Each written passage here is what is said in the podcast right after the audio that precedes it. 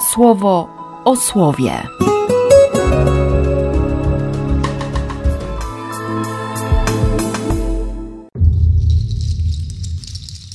7 lipca, środa. Z Ewangelii według świętego Mateusza. Przywołał swoich dwunastu uczniów i dał im władzę nad duchami nieczystymi, aby je usuwali i leczyli każdą chorobę i każdą niemoc. Imiona dwunastu apostołów są te: pierwszy Szymon, nazywany Piotrem, i Andrzej, jego brat, Jakub, syn Zebedeusza, i Jan, jego brat, Filip i Bartłomiej, Tomasz i Mateusz Poborca, Jakub, syn Alfeusza i Tadeusz, Szymon Kananejczyk i Judasz Iskariota, ten właśnie, który go wydał. Tych dwunastu wysłał Jezus i nakazał im, mówiąc: Na drogi pogan nie idźcie i nie wchodźcie do miast Samarii, idźcie raczej do zabłąkanych owiec domu Izraela. Idźcie i głoście, mówiąc: Już blisko jest Królestwo Niebieskie. Ażby się chciało powiedzieć dziesięć rozdziałów później. W sumie tak jest.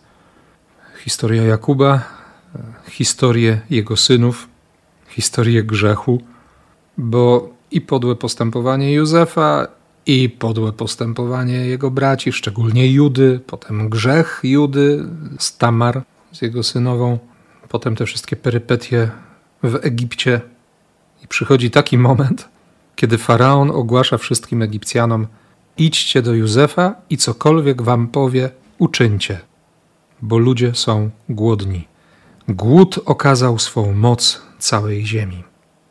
Tak sobie teraz pomyślałem, że, że cała ta historia Józefa doprowadziła go właśnie do tego momentu, te wszystkie trudności, to, to bycie za pan brat ze śmiercią, poruszanie się na krawędzi, i z własnej winy, i zupełnie bez powodu. To wszystko doprowadziło do tego momentu, że faraon mówi: idźcie do Józefa, cokolwiek wam powie, uczyńcie. I właśnie teraz uświadomiłem sobie, co ja mam takiego, czym mogę nakarmić albo nasycić czyjś głód, odsunąć od kogoś to widmo głodu, widmo śmierci głodowej. I zadałem sobie również pytanie, gdzie ja idę, kiedy zaczynam być głodny jakiej lodówki szukam. Bo wiem, że, że otworzę Biblię i mam zawsze świeży pokarm. Że otworzę tabernakulum i mam na wyciągnięcie ręki ciało samego Boga. Że zatrzymam się gdziekolwiek i mam szansę spotkać Kościół, to znaczy ludzi, wspólnotę. I że dzięki Kościołowi mogę się karmić łaską sakramentalną. Dobrze jest dzisiaj usiąść do tego 41, drugiego, trzeciego rozdziału. Jutro będzie czwarty i piąty. I popatrzeć na tę historię, na historię Józefa, w którą Bóg naprawdę się zaangażował. I z tych momentów, które wydawały się śmierciodajne czy śmiercionośne, Bóg wyprowadzał życie. Bo On ma rozwiązanie i On ma pokarm, którym potrafi nasycić każdy nasz głód. I to jest też w sumie sens posłania apostołów dzisiaj, z tego początku dziesiątego rozdziału Ewangelii Mateusza. Jezus daje im władzę. Każdemu z nich, i Szymonowi, i Judzie Skariotu. Każdy jest posłany.